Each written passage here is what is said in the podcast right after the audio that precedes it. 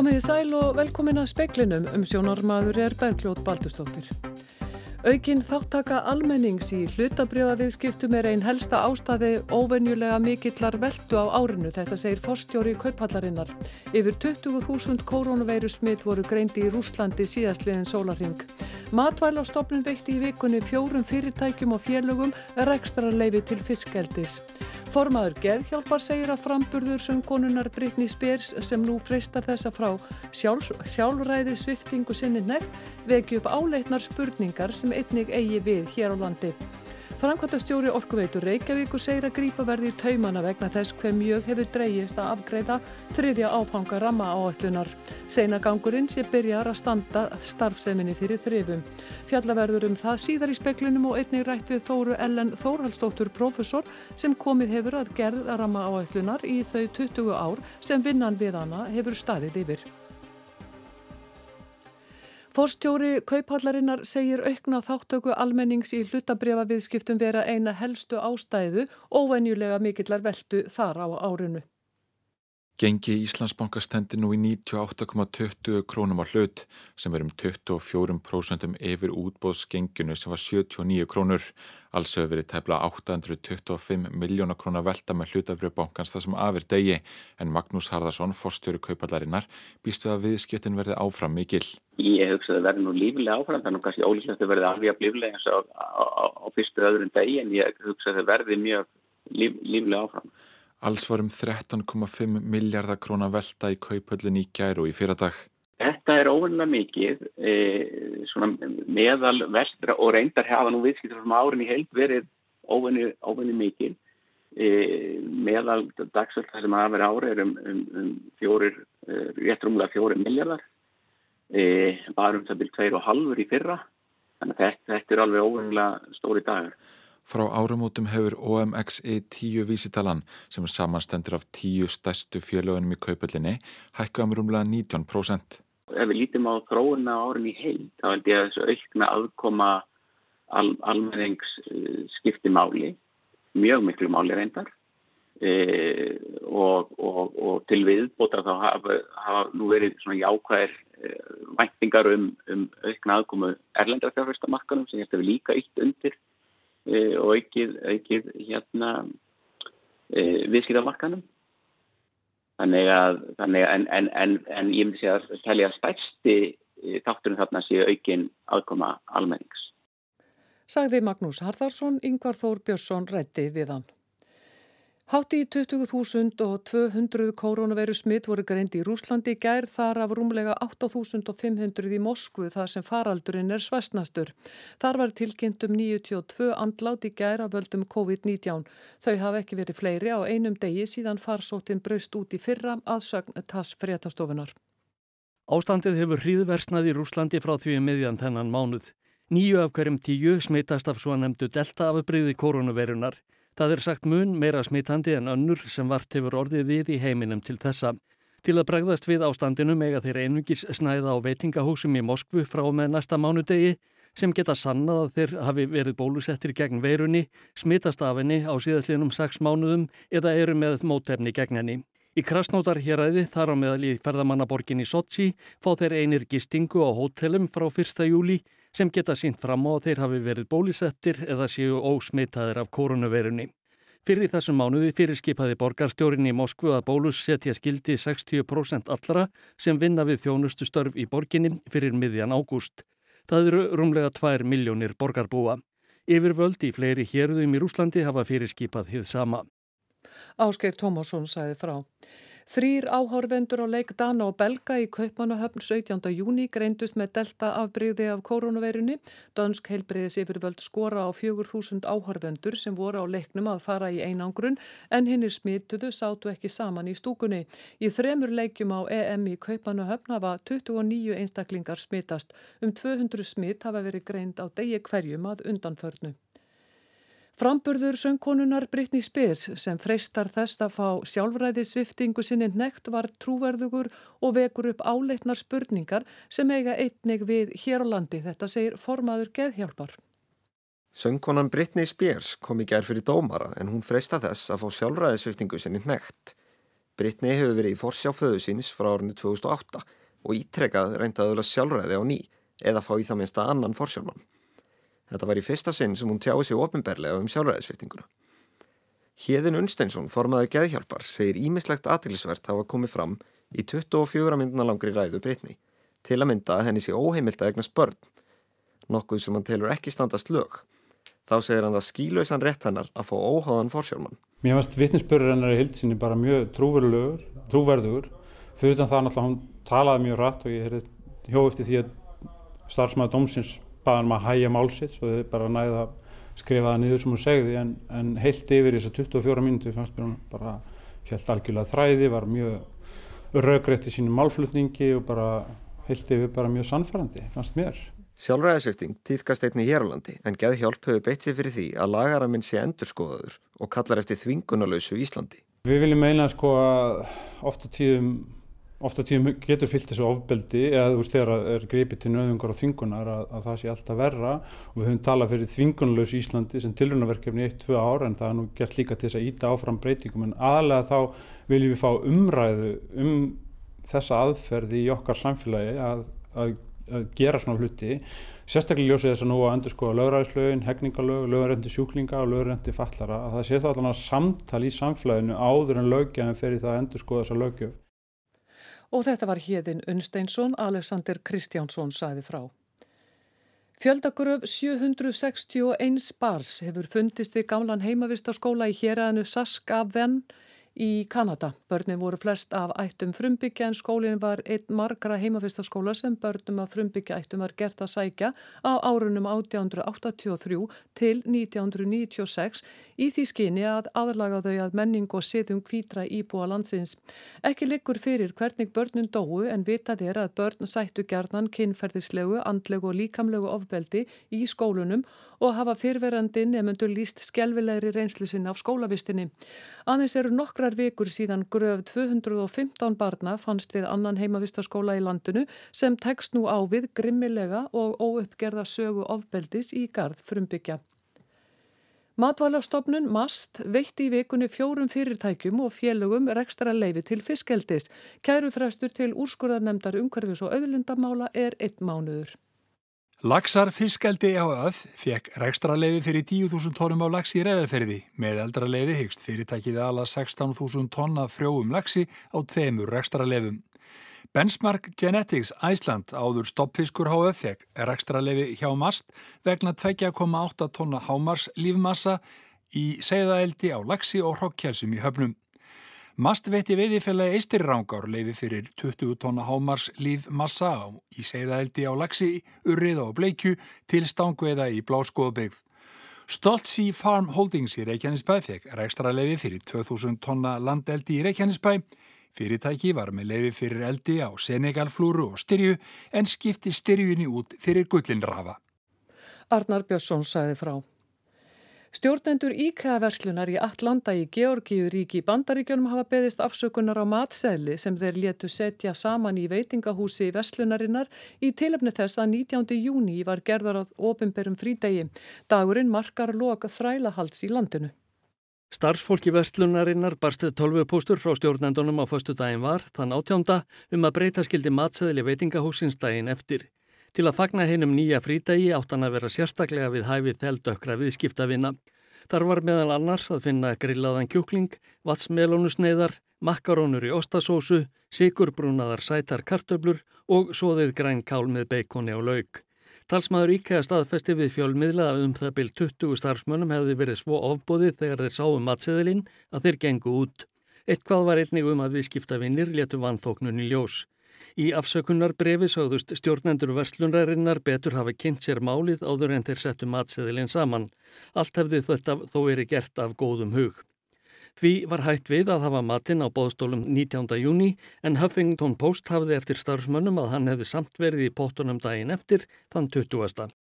Ásker Tómasson sæði frá. Framkantastjóri þróunar og nýsköpunar hjá Orkuveitur Reykjavíkur segir að hver kona og maður sjáu að ferlið í kringum ramma áallun virki alls ekki. Það verða að grýpa í taumana.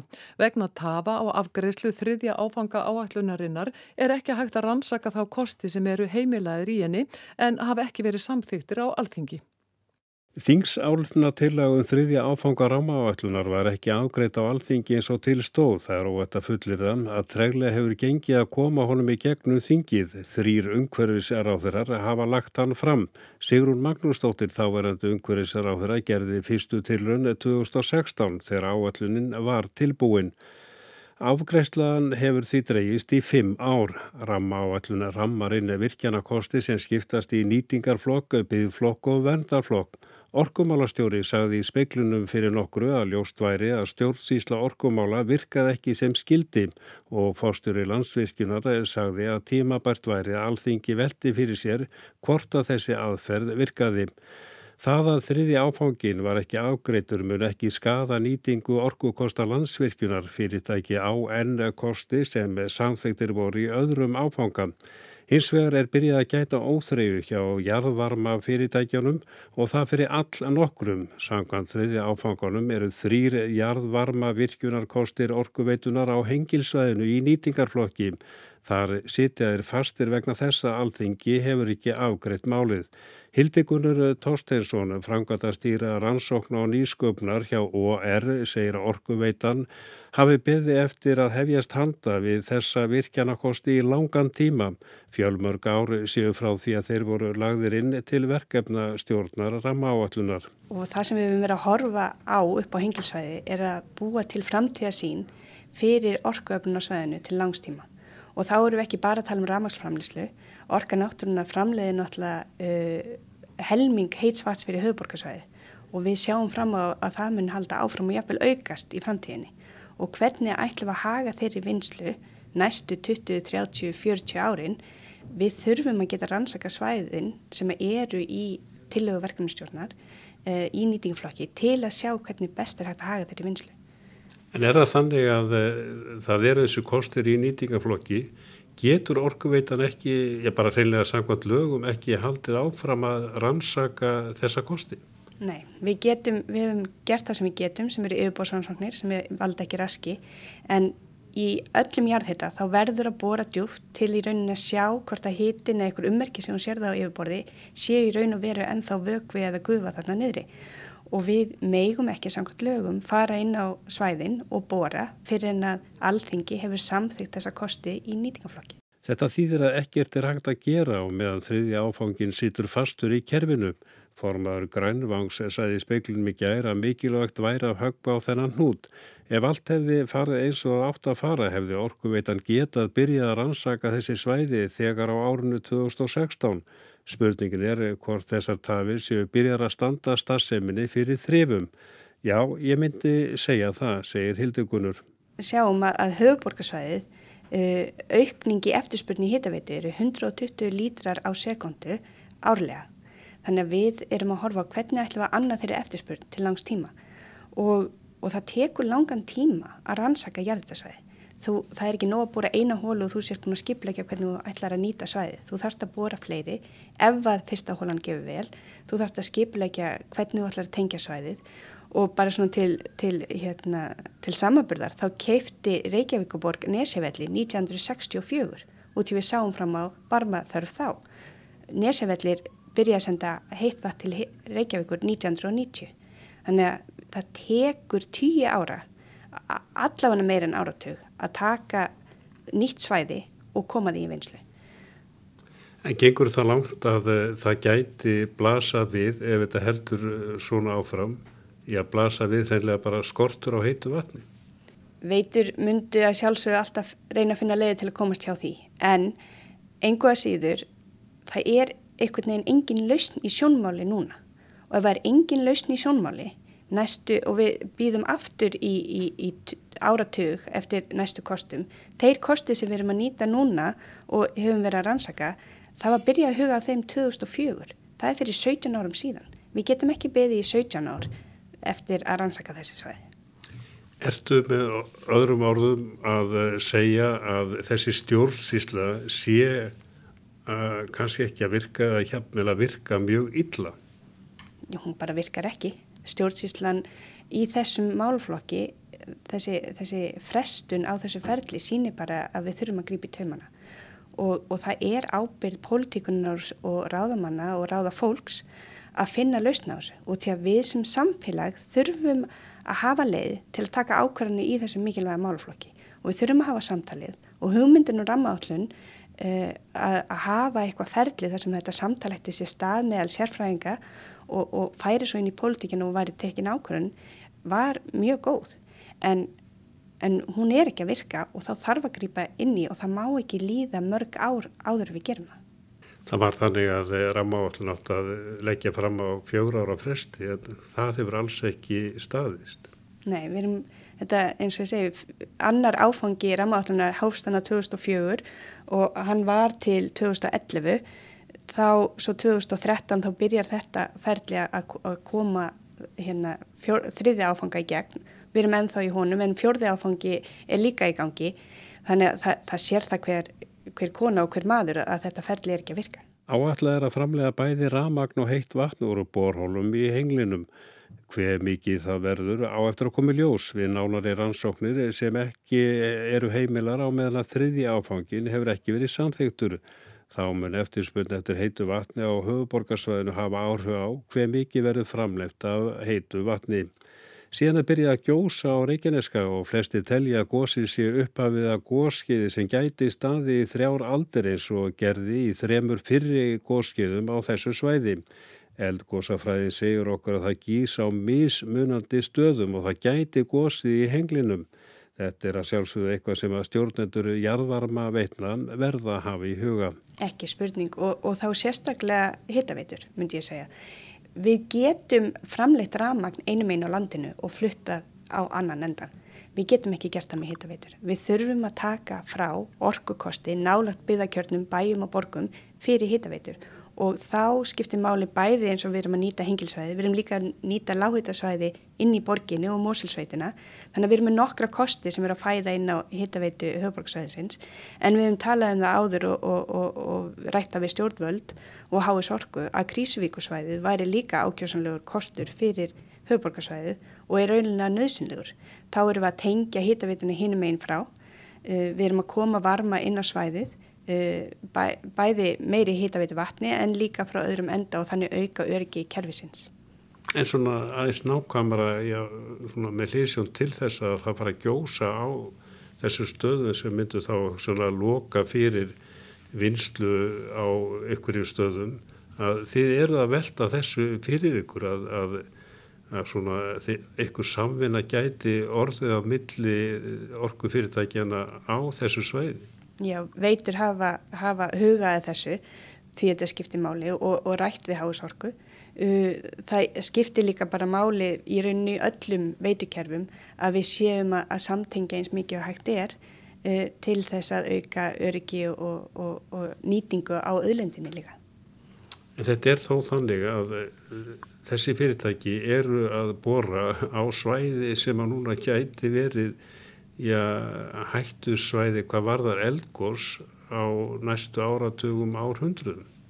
Það hefur náttúrulega alltaf verið þannig að við erum í jarðhitta þá erum við á svæði þar sem er jarðhitti í jörðu. Uh, Reykjavík er, er gömul megin eldstöð. Uh, við, hún, hún, ég ger ekki ráð fyrir að hún muni gjósa á næstunni en hengilin er, er virt eldfjall. Hvernig og hvar gós myndi gerast á því svæði og hvenar, uh, það er bara inn í okkar áhættu plönum og, og, en við heldum bara áfram okkar streikið þanga til að eitthvað gerist og tökum það á því þá. Það eru margar sprungur á söðinu, við veitum ekki hver gósi verður, ef það verður. Og þetta var Hildi Gunnur. Torsteinsson, Anna Arnar Páll Haugsson talaði við hana.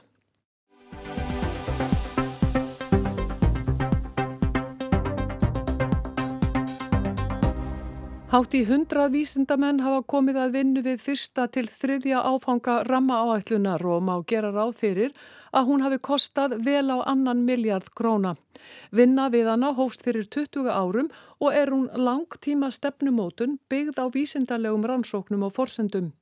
Þóra Ellen Þórhalsdóttir, profesor í grasafræði við Háskóla Íslands sem starfað hefur við ramma áætlun frá upphafi, hefur orðið fyrir miklum vonbreyðum með að þriðja áfangennar hafi ekki verið afgreitur frá alþingi.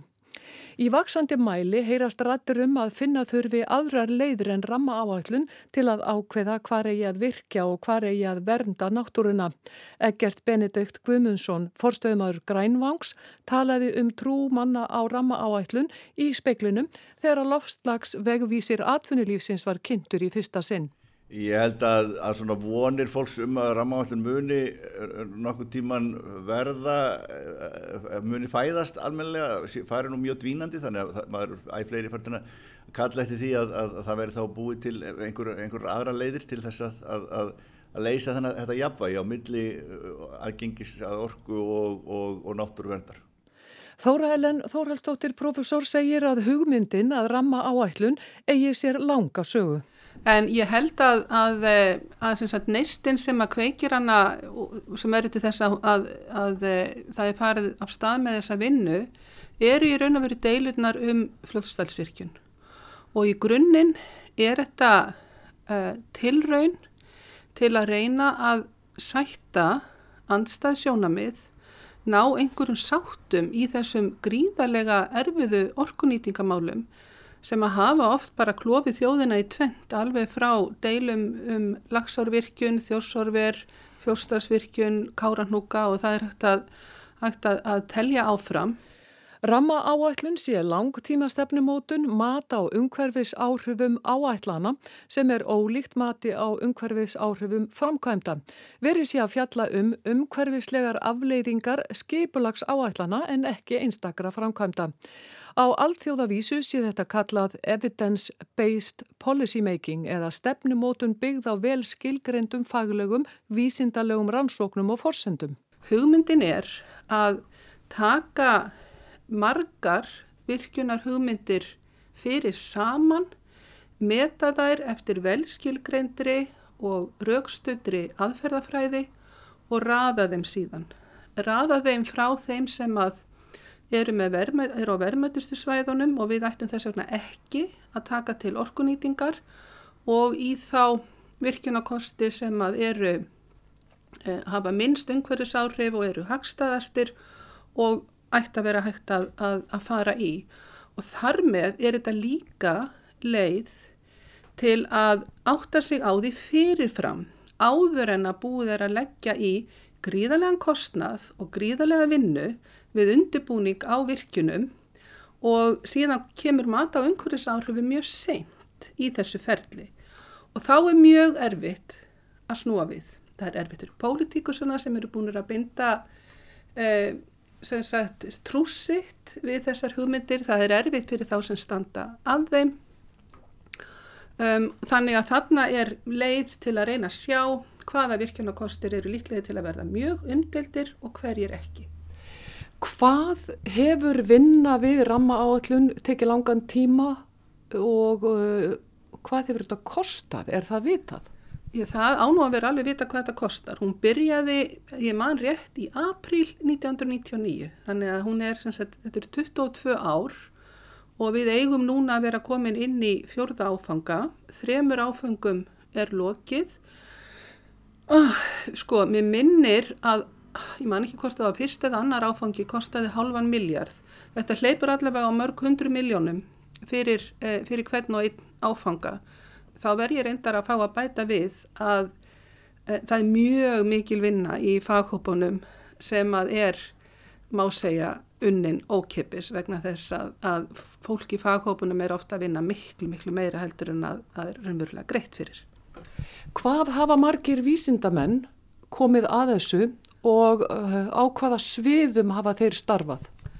Ég hef nú ekki yfirleitt, sko það hafa verið á bylunu 5 til 10 í faghópunum sem að hafa, um, sko voru fjóri til að byrja með, að voru núna þrýr um, eh, en síðan hefur náttúrulega verið sko svolítil velta í fólki þannig að þetta eru sko þeir sem hafa unnið í faghópunum og verið í verkefnistjórninni, já þetta eru örgulega fleiri en 50 manns og síðan er auðvitað fólk á mörgum stopnunum, minnjavend, náttúrufræðistofnun, uh, náttúrustofum uh, út á landi, háskólasetrunum út á landi, uh, Háskóla Íslands, bara mjög mörgum stopnunum sem að hafa líka unnið sérstök verkefni fyrir rammaáallun þannig að sjálfsagt eru þetta 100 manns allt í allt. Vísindamennirnir sem komið hafa að ramma áætlun eru jarðfræðingar, vatnafræðingar, líffræðingar, grasafræðingar, fugglafræðingar, örverufræðingar, fordleifafræðingar, þjóðfræðingar og margir fleiri.